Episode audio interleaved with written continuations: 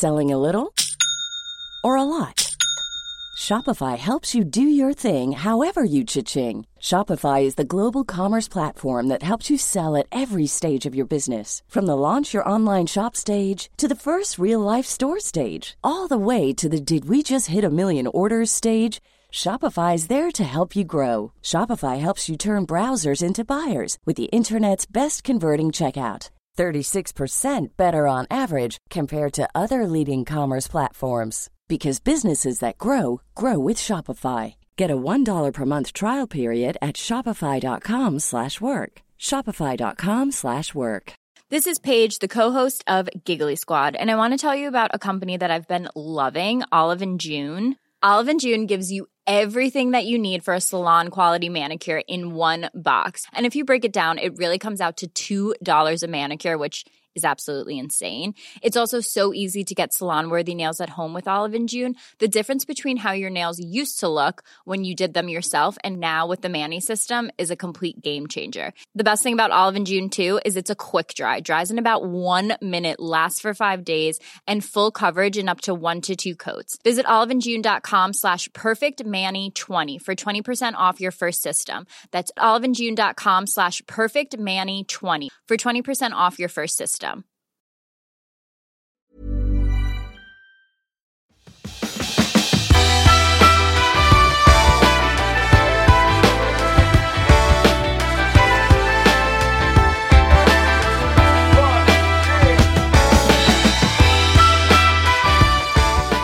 Hej och välkommen till Klimakteriepodden med mig, Åsa Melin. Först vill jag dela med mig av en mycket god nyhet och det är att det finns en sökknapp på klimakteriepodden.se. En mycket efterfrågad funktion. Jag är så glad att kunna ge dig. Äntligen! Du kan alltså knappa dig in på www.klimakteriepodden.se och så klickar du på sökknappen och där kan du skriva in vad du vill söka efter. En persons namn, ett ämne, ett ord eller i princip vad som helst. Så bra! Om du upptäcker några buggar så får du jättegärna höra av dig på info.klimakteriepodden.se så vi kan fixa till det. Nu så ska vi snacka sömn igen. Att det ska vara så svårt. Jag tycker verkligen det är fascinerande hur min sömn går från topp till skräp utan att jag förstår varför eller tycker mig förtjäna det. Vissa saker är ju uppenbara sömnförstörare och de tror jag både du och jag är fullt medvetna om. Men nu ska du få höra en hel del som åtminstone inte jag hade en aning om. Så välkommen att lyssna.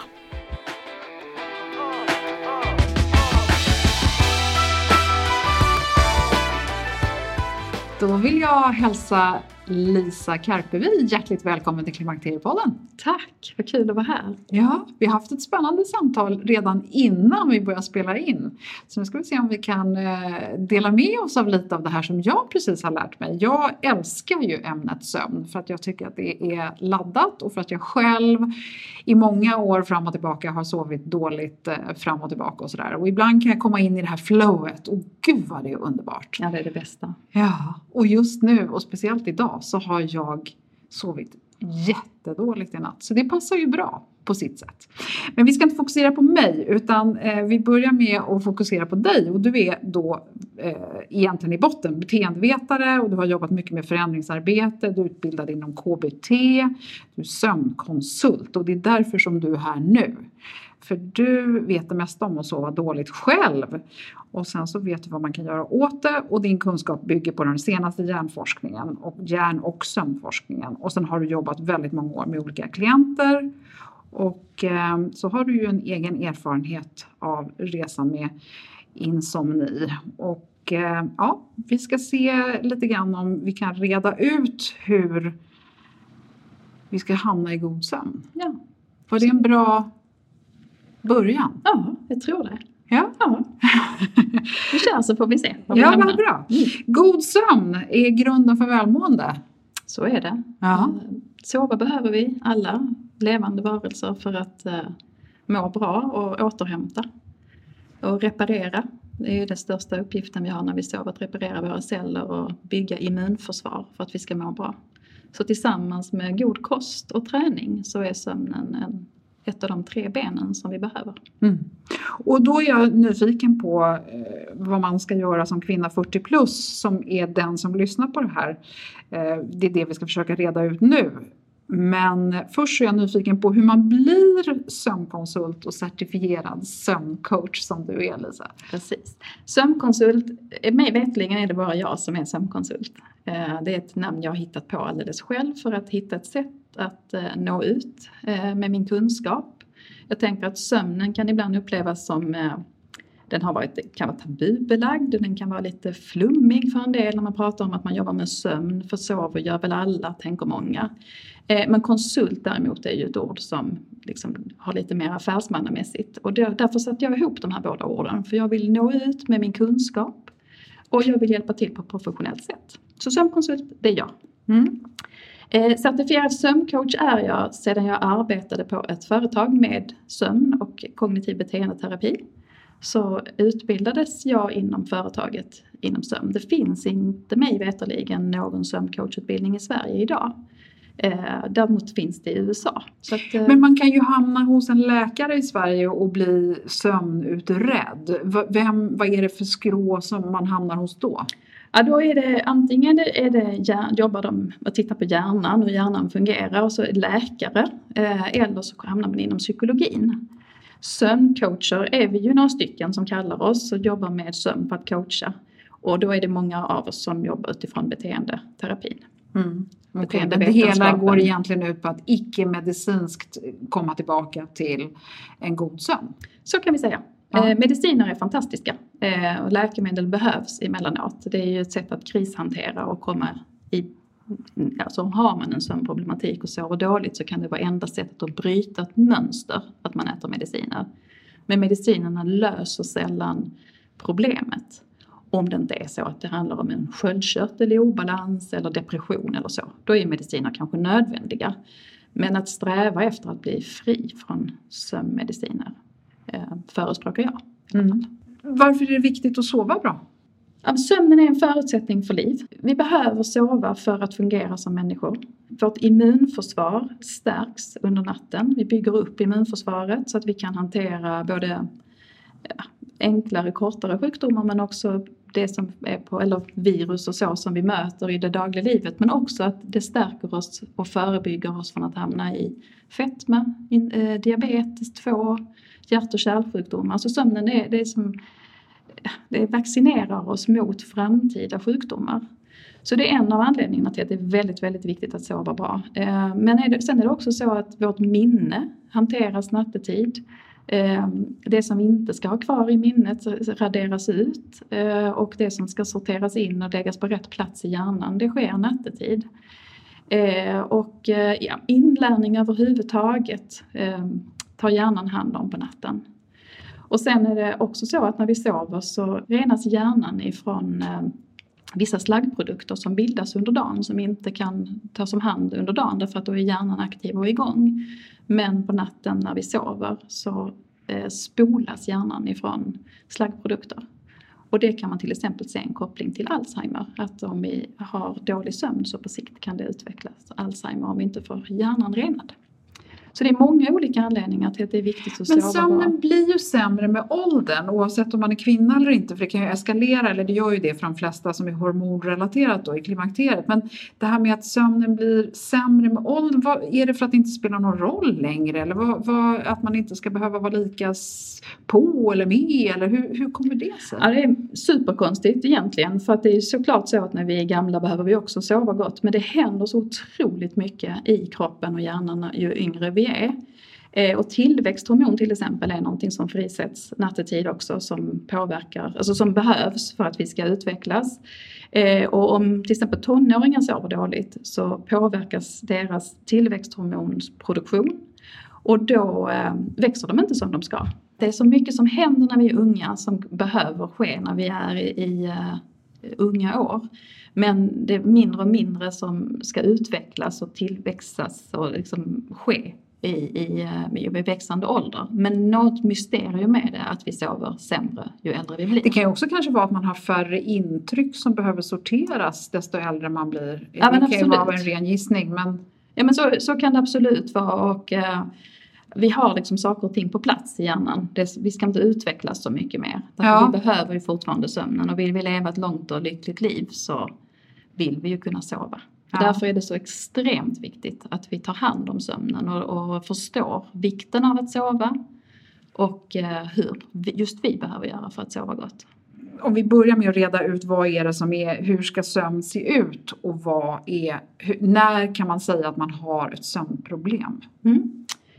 Sömnen är individuell eh, men någonstans mellan 7 och 9 timmar bör man försöka sova varje natt. Och ju mer regelbundet man har sina, mycket mer rutiner man har i sin sömn, ju bättre är det för att då hittar man den optimala sömntiden som är just för en själv.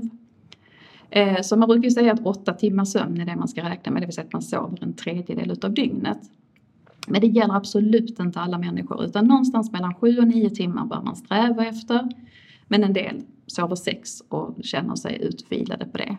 Så det första man bör tänka på är jag utvilad? Känner jag mig pigg på dagen? Känner jag mig okej? Funkar jag bra? Är jag glad? Så då har man förmodligen tillräckligt mycket sömn. Eh, men eh, Oavsett om man har svårt att sova och vakna på natten och så vidare.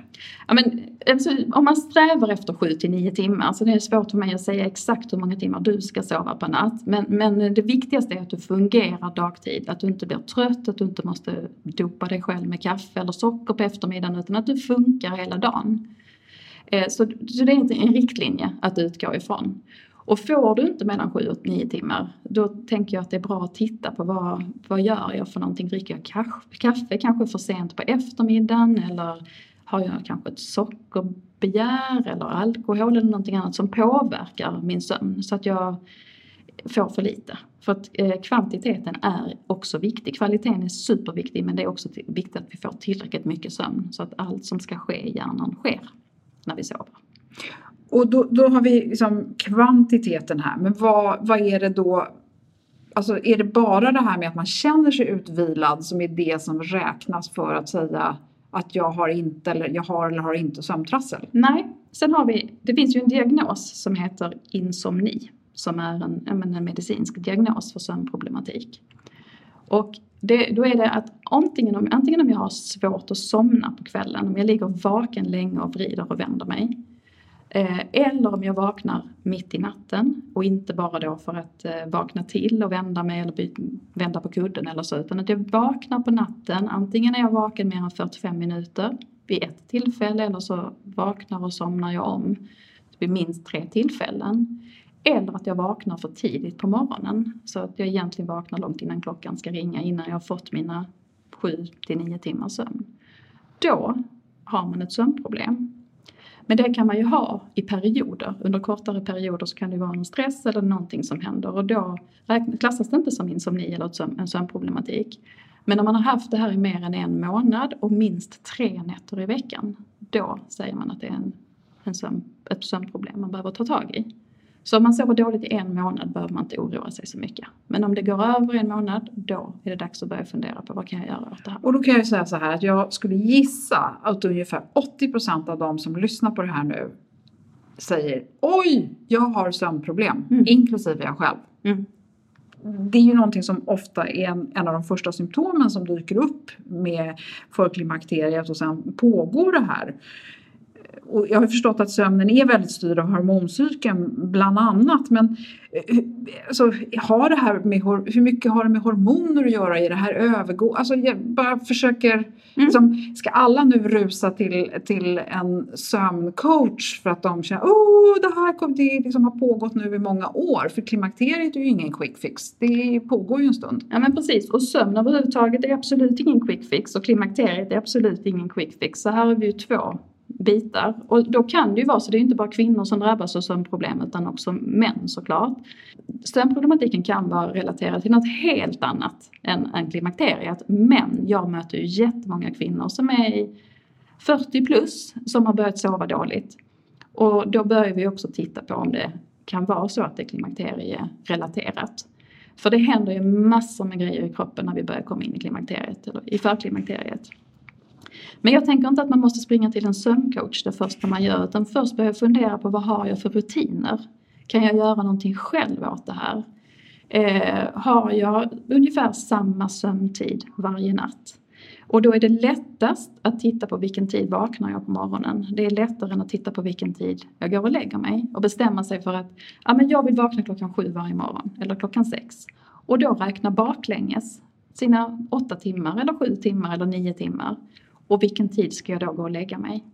Så det är sånt där första man kan Och det här med att gå och lägga sig är ju en sak, men det betyder ju inte att man sover. Nej, det gör det absolut inte. Men då är det så här att när man går och lägger sig då är det egentligen så att då är det dags för kroppen att sova. Sen ska man inte ligga vaken för länge i sängen. Ligger man och vrider och vänder mer än 45 minuter i sängen, eller egentligen mer än 30 minuter skulle jag vilja säga, då är det bättre att gå upp. Därför att Nej men jag tänker så här, man kanske lägger sig klockan 10 och jag gillar att läsa en liten stund Mm. och så beror det på hur länge eller hur trött jag är, hur länge den stunden blir. Utan oftast är ju det, för mig är det lite ett sömnmedel då. Mm. Är det då tiden som jag släcker som räknas? det är tiden du släcker, så då bör du gå och lägga dig klockan 10, eller sova från klockan 10. Då bör du lägga dig kanske klockan halv 10, Ja, så att du, en Mm. stund innan. Så att Mm. när du väl ska sova, då ska du sova. Mm. Eh, och då är det ju viktigt att inte ha några störande apparater i sovrummet till exempel. Ingen telefon eller TV eller iPad eller någonting som, som man kan störas av varken ljus eller ljud. Utan att då är det tyst och mörkt och svalt i sovrummet så att man har fått bästa förutsättningar för att somna. Kallas för sömnhygien. Det är ett av de första knepen. Titta efter, hur har du det egentligen när du ska sova? Är det för varmt i sovrummet eller är det för ljust eller är det för ljud, alltså mycket ljud? Och sen att du sätter tiden på morgonen som du vill gå upp. Var, när vill jag gå upp och så räkna baklänges. Så att du får in rutiner. Lika mycket som att du borstar tänderna varje morgon och kväll. Så ha en rutin. Det är väl jättebra om man kan vakna av sig själv. Men det är ju få förunnat alla månader på året tänker jag. För att på sommartid är det kanske mycket, mycket lättare att vakna av sig själv än när- i januari när det är mörkt och det är grått och kallt och man inte alls är sugen på att vakna.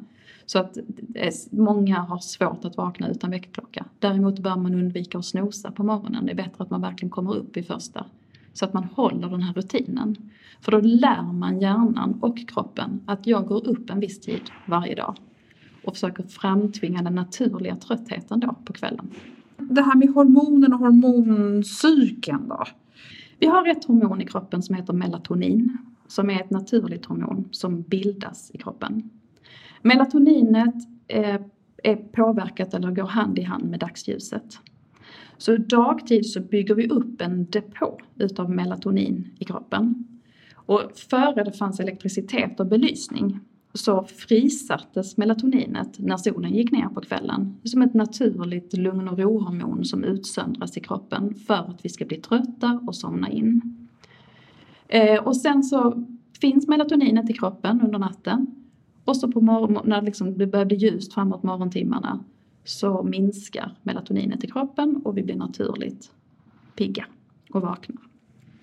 Och hand i hand med detta går kortisolet som är ett stresspåverkande hormon som vi ska ha så lite som möjligt av nattetid men som börjar frisättas någon gång på morgontimmarna när melatoninet går, ner.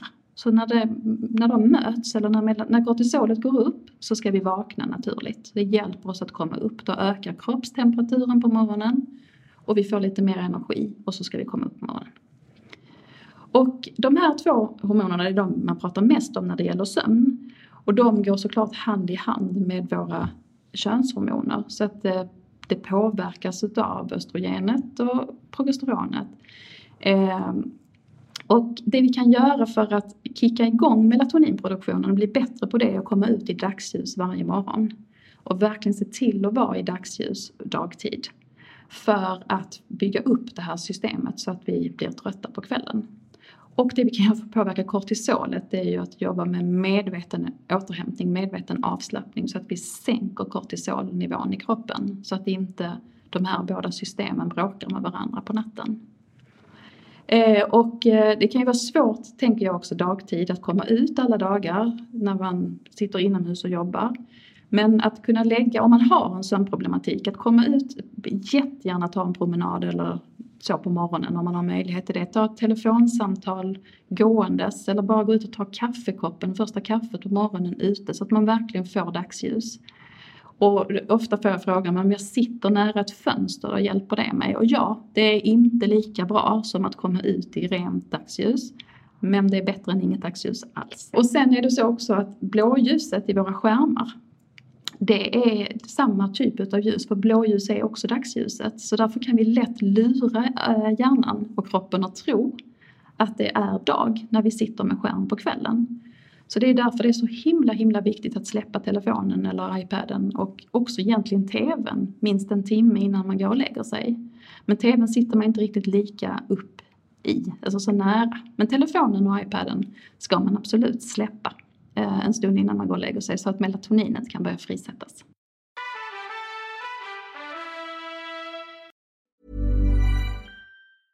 Hey, I'm Ryan Reynolds. Recently, I asked Mint Mobile's legal team if big wireless companies are allowed to raise prices due to inflation. They said yes. And then when I asked if raising prices technically violates those onerous two year contracts, they said, What the f are you talking about, you insane Hollywood ass?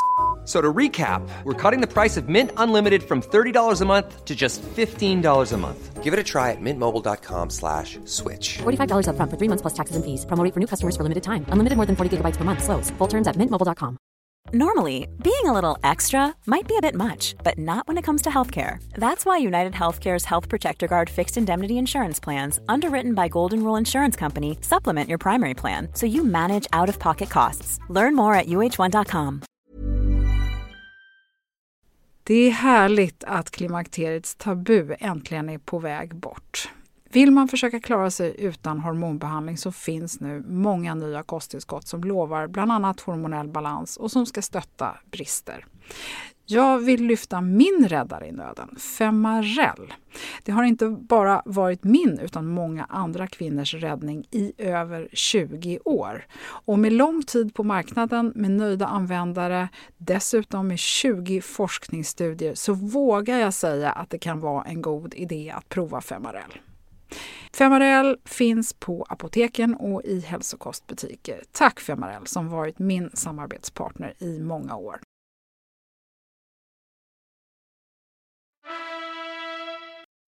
Att stödja hormonerna då?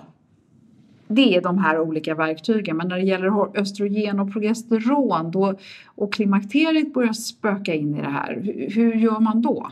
Ja, men det viktigaste är att hitta en balans, hormonbalansen, alltså göra så gott man kan på egen väg så att säga. Ta hand om sig själv och se till att man tränar ordentligt och håller liksom, kortisolet och eh, könshormonerna i, i schack.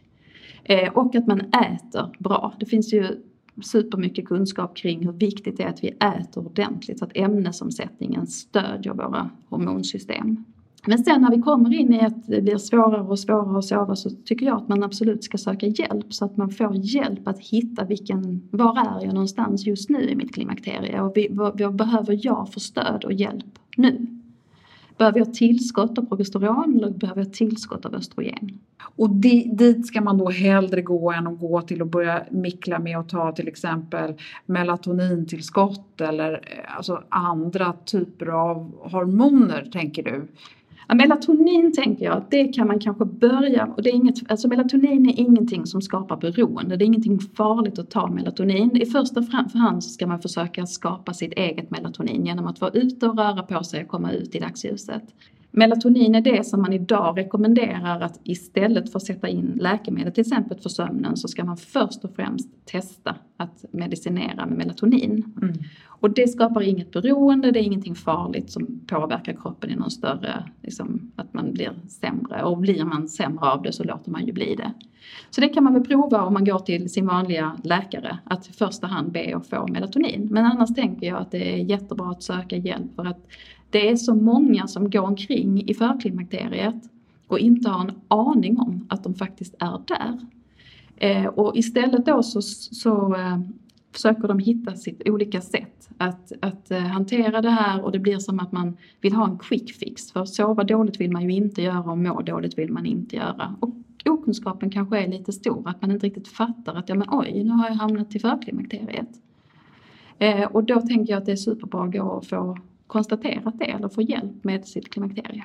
När det då gäller att få bukt med de här sömnproblemen, vad, vad, vad gör du och hur, hur tar du tag i kvinnorna och vad, vad får du för respons? Hur går det? Jo men eh, det jag gör är att jag gör en kartläggning allra, allra först. Vi gör, går igenom och tittar på frågor som handlar om eh, Eh, sömnen som kommer utifrån den kognitiva beteenden, terapin, alltså beteendevetenskapen framforskat.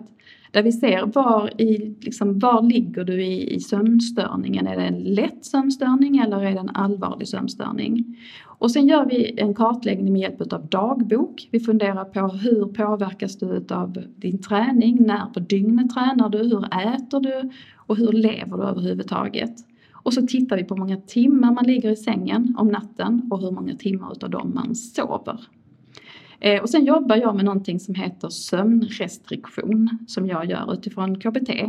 Och det betyder att man tar bort den vakna tiden i sängen och istället för att man ligger vaken och vrider och vänder på sig så komprimerar man sömnen. Det vill säga att man går och lägger sig senare och så går man upp på sin fasta tid på morgonen. Och det här kan ju låta lite läskigt men eh, därför att det kan betyda att man bara får fem timmar i sängen eller fyra timmar i sängen den första, den första veckan för att man bryter ett mönster. Men det funkar oerhört väl och ganska snart får man börja lägga på tid i sängen och så lär vi om hjärnan och kroppen att sova ska du göra när du är i sängen. Så första veckan låter ju helt hemsk. Och sen då? Ja, men första veckan är kanske inte den värsta egentligen utan andra veckan är den värsta när, när kroppen börjar bli så trött. Att liksom för man, är man, sover man dåligt så är man ju van vid att sova ganska lite. Eh, så att egentligen är det inte så farligt men oftast brukar ju kroppen kompensera för sömnen. Ibland får man en bra natt i alla fall. Men efter man har hållit på med det här i en vecka så då är kroppen riktigt, riktigt trött och då får man lägga på en kvart. Oj. Och det känns ju som ingenting. Det Ja. låter som ingenting. Ja. Men det som är så fantastiskt är att då fattar hjärnan supersnabbt att ah, nu fick jag en kvart extra, den måste jag ta vara på. Och så skickas man ner i djupsömn väldigt, väldigt fort. Och, Vad eh, häftigt. Det- här låter ju som man kan göra på sig själv. Ja men det kan man. Man kan göra på sig själv men det är ganska bra att ha någon att bolla det med. Därför att då när man hållit på ett par veckor då är man ju väldigt, väldigt trött. Och har man ett jobb där man till exempel kör bil då behöver man vara sjukskriven när man gör en sån här grej. För att eh, man blir ju lite en säkerhetsfara för sig själv eller, Ah, och för andra okej. också. Så är det så att säga, håller man på sen en kvart, en kvart, en kvart, en kvart tills man hittar det optimala? Precis, exakt så är det. Då lägger Wow. vi på en kvart åt gången. Och det som är, jag tycker är det mest spännande är efter mellan två och tre veckor, då hör jag nästan på rösten hos mina klienter att nu har det vänt. Alltså för då har man börjat sova djupare och bättre. Ah.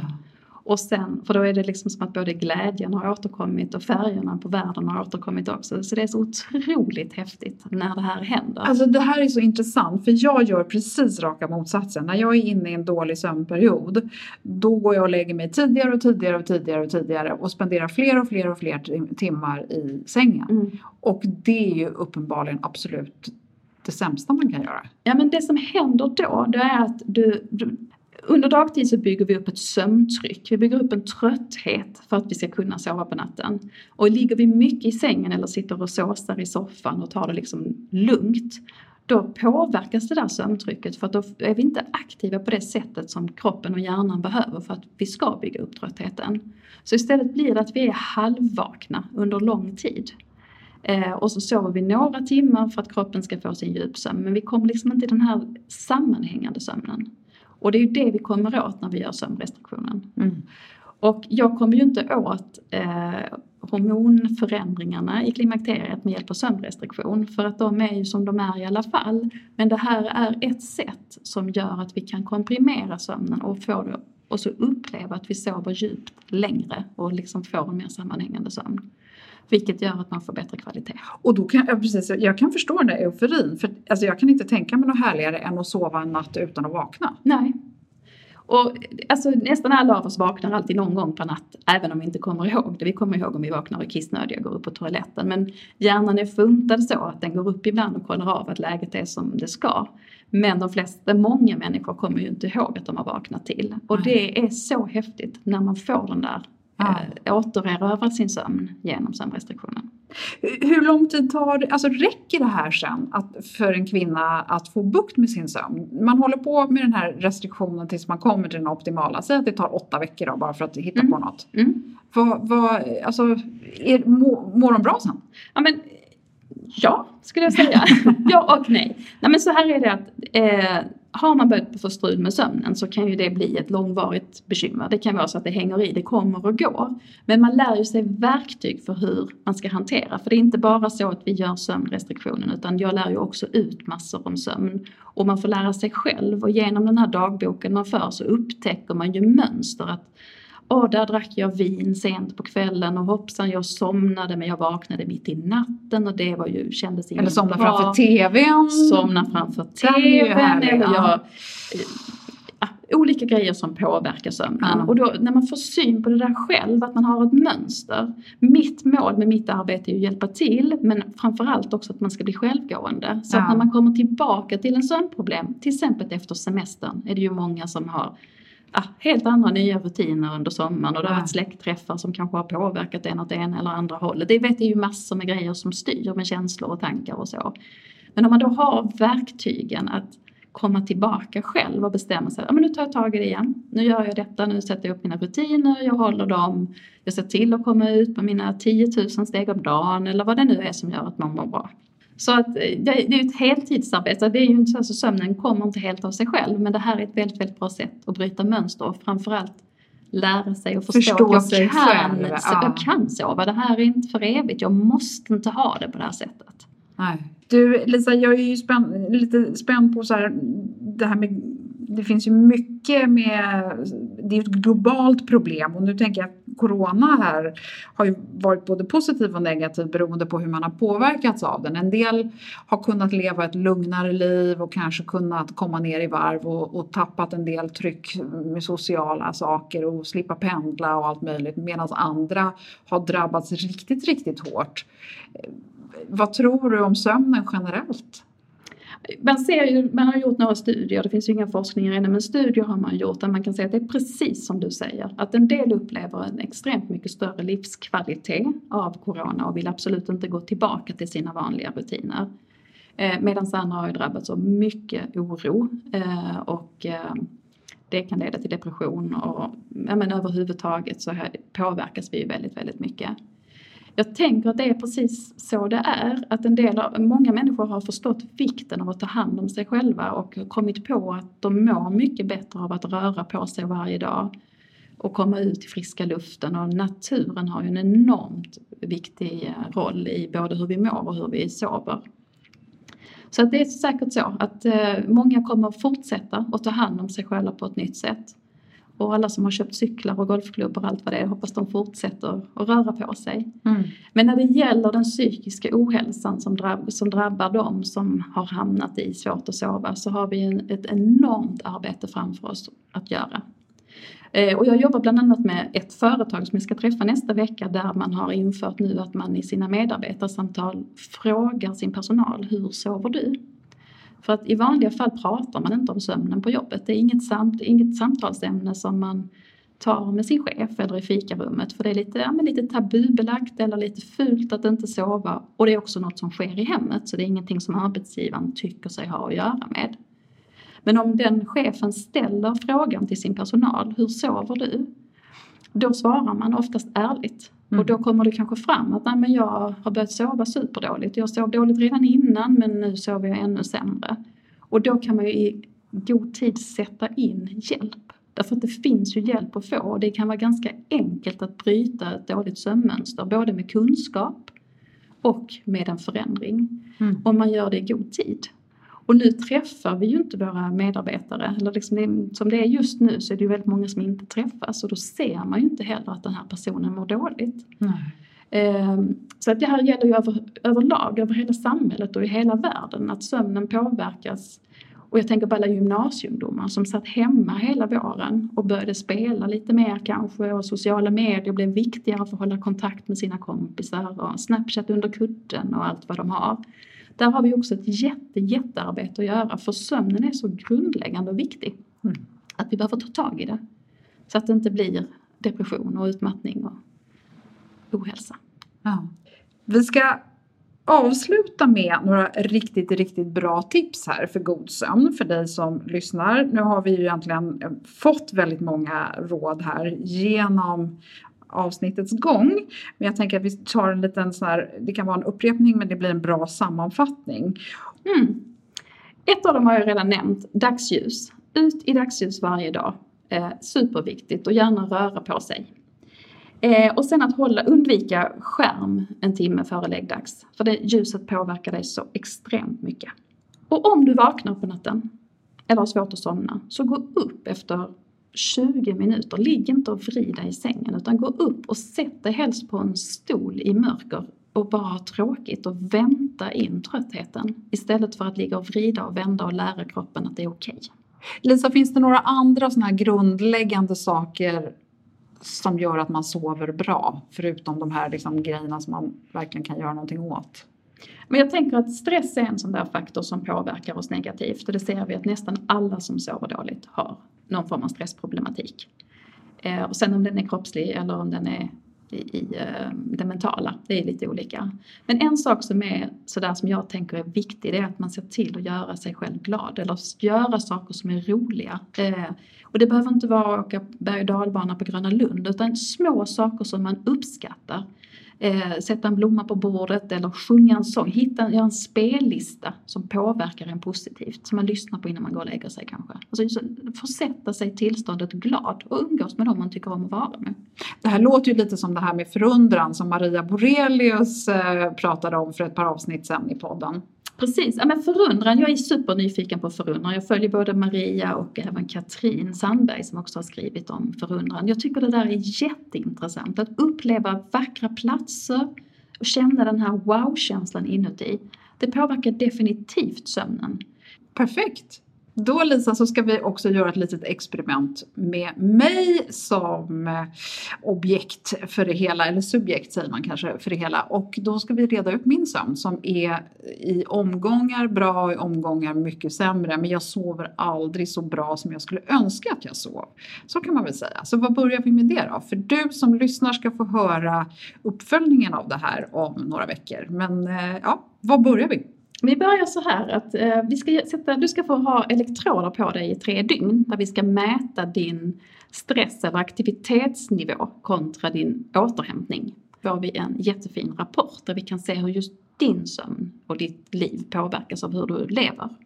Och hur mycket ska jag justera det då så att jag liksom känner att jag är en duktig flicka? Nej men egentligen ska du inte justera någonting alls. Utan jag vill gärna att vi mäter minst en dag på helgen och så mäter vi vardagen så vi kan se både hur du har det när du är ledig och när du jobbar. Så jag vill inte justera någonting överhuvudtaget. Och samtidigt för du också en dagbok där du bland annat kommer få tala om hur mycket du rör på dig, om du har många stegen mäter vi automatiskt, men vad det är för slags träning du gör.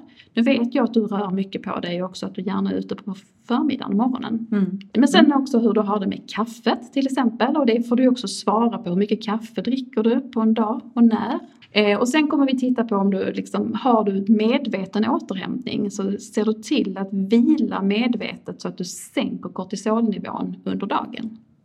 Mm, det är jag kanske inte jättebra på. Det kanske du inte är jättebra på. Och då kommer vi ju se det, att det kommer vara röda markeringar. Att här skulle du kanske behöva lägga till lite andning eller någon yogaövning eller någonting så att du lugnar ner ditt system. För det kommer påverka natten. Okej. Okay. Och alkohol antar jag att vi ska reda ut? Alkohol reder vi också ut. Ja. Hur mycket och du dricker. Och det är därför du vill ha lite helg med om jag normalt sett inte dricker på vardag tänker jag. Ja men precis. Ja. Det är en sån grej. Och också kan vi titta på hur du äter. Om du äter sent på kvällen eller om du äter tungt på kvällen. Till exempel en, en god köttbit sent på kvällen kommer påverka din ämnesomsättning som i sin tur påverkar kroppstemperaturen och det påverkar sömnen. Mm. Så att, li, lite olika mätfaktorer och sen så eh, tittar vi på det tillsammans. Mm, spännande. Och du som lyssnar kommer få höra en eh, ska jag säga osensurerad version i förväg? Det vet jag inte om jag... jo, det tror jag. ja, vad bra. Det får vi stå för. Ja, kul. Eh, då tackar jag dig så hjärtligt Lisa. Det har varit jätteroligt att få träffa dig här idag och jag tror att du som har lyssnat också känner att du har fått några riktigt goda råd. Så kika in på Lisas hemsida.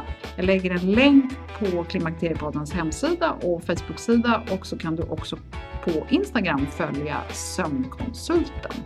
Och i, på Lisas hemsida så hittar du också de här råden. Det är väldigt bra uppställt där så där kan man gå in och, och grotta in sig och försöka förstå mer. Mm.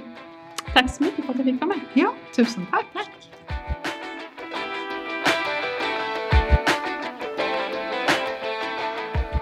Jag frågade också Lisa vad hon tror om att tejpa munnen för att man ska tvingas näsandas, vilket många förespråkar, speciellt om man snarkar eller lider av sömnuppehåll. Hon säger att det kan vara värt att prova. Hennes erfarenhet är att en del hatar det och andra tycker det fungerar bra. Jag upplever att jag är lättväckt och har därför i flera år sovit med vaxöronproppar. Jag, ja, det är väl lite sådär nu, så nu är jag ju fixerad vid att ha dem, men jag tycker att det är ett bra sätt att dra ner volymen på ljud utifrån. Så ja, du kanske också har något bra sömntips. Hör i så fall av dig via Klimakteriepodden på Instagram eller Facebook så kan jag dela det framöver. När det gäller kontentan av min sömnutredning så ska du naturligtvis få höra mer om det i ett senare avsnitt. Och Lisa har också bidragit med ett smarrigt recept som ligger uppe på Instagram under kontot Klimakteriekocken. I nästa avsnitt så kommer en av mina favoritgäster när det gäller hormonkunskap, nämligen Martina Johansson. Martina gör en hel del extrema hacks på sig själv som jag gillar att följa. Även om inte allting eh, passar mig så tycker jag att det är spännande att se vad hon kommer fram till. Hon är aktuell med boken Hormonstark som ger en fantastisk bild över vårt delikata och avancerade hormonsystem. Så i nästa avsnitt ska vi fokusera på de bitar som du och jag är mest berörda av och få kunskap som kan hjälpa oss mot både bättre mående och förståelse. Och i förlängningen handlar det förstås om att förbättra hälsan, energin och livsglädjen. Så missa inte det. Tack för nu och välkommen åter. Hej då!